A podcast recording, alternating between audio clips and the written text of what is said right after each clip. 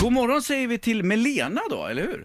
God morgon! God morgon, hej! Hej! Du är ju personen som ligger bakom de här skorna. Västtrafiks buss och spårvagnssäten eh, ligger till grund för skorna, visst är det så? Exakt! Och berätta, vad- eh, hur går det till det här? Ja, hur går det till? Nej, För cirka sju år sedan när vi bodde i London så kom vi på den här briljanta idén där liksom man måste ju börja återanvända lite, inte bara producera nytt, nytt, nytt och göra massa massproduktioner. Ehm, så då kom vi på detta. Ehm, började först med Skånetrafiken nere i Malmö och där fick vi då Resol Malmö och Resol Skåne. Ehm, sen därefter så kontaktade vi då Västtrafik och Göteborgs spårvägar.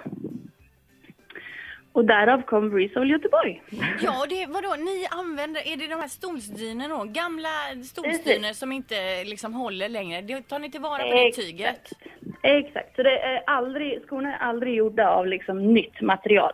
Nej. Utan det är det som är hela konceptet, att återanvända tygerna. Så att när Västtrafik eller spår, Göteborgs spårvägar liksom anser att deras tyger inte är gott nog för då spårvagnarna längre, så tar de av dem och vanligtvis så kasseras ju detta direkt och liksom bränns och så. Men då istället tar vi dem ehm, och så syr vi ut det bästa av tyget så att säga och därefter blir det skor. Och det är, det är ett tåligt tyg naturligtvis. Ja, det är det. Alltså, det är många som liksom ställer de frågorna, men man får ju tänka själv att de här sitter ju, kan ju flera månader på säten där folk sitter på. Ehm, så det är klart, tåligt tyg är det, absolut.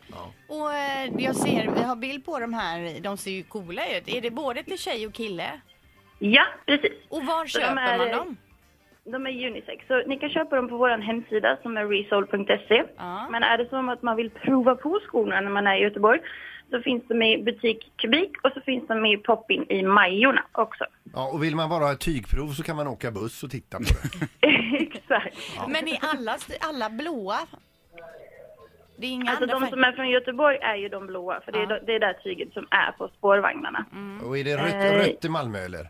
Precis, så det är rött i, i Skåne blir det då, så då blir det länsbussarna och sen så grönt i Malmö för stadsbussarna. Men jag läste också att ni tänkte eventuellt utveckla och utöka sortimentet. ja, för det, det är många som förfrågar det liksom, varför stannar vi skor?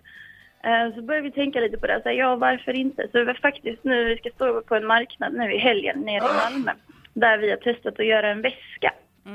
Eh, av tyget också. Så vi ska få se lite folks reaktioner, de får titta och känna lite på det. Så får vi se hur, långt det kan gå. Vi, Men- vi har pratat om plånböcker, om skärp och ja.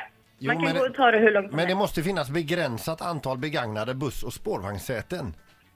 Ja, självklart. Det här kommer aldrig bli en massproduktion av något slag. Ehm, men det finns väldigt mycket tyger. Men vad kostar, hela tiden. vad kostar det på sådana här skor då gjorda av Västtrafiks eh, gamla tyg, tyger? De kostar 14,95. 14,95.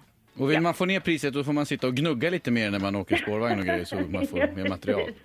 Exakt, så vi får in mer material. Ja. Precis, ja. Ett poddtips från Podplay. I podden Något Kaiko garanterar östgötarna Brutti och jag, Davva, dig en stor dos skratt. Där följer jag pladask för köttätandet igen. Man är lite som en jävla vampyr. Man har fått lite blodsmak och då måste man ha mer. Udda spaningar, fängslande anekdoter och en och annan arg rant. Jag måste ha mitt kaffe på morgonen för annars är jag ingen trevlig människa. Då är du ingen trevlig människa, punkt. Något Kaiko, hör du på Podplay. Därför arkadeinerna.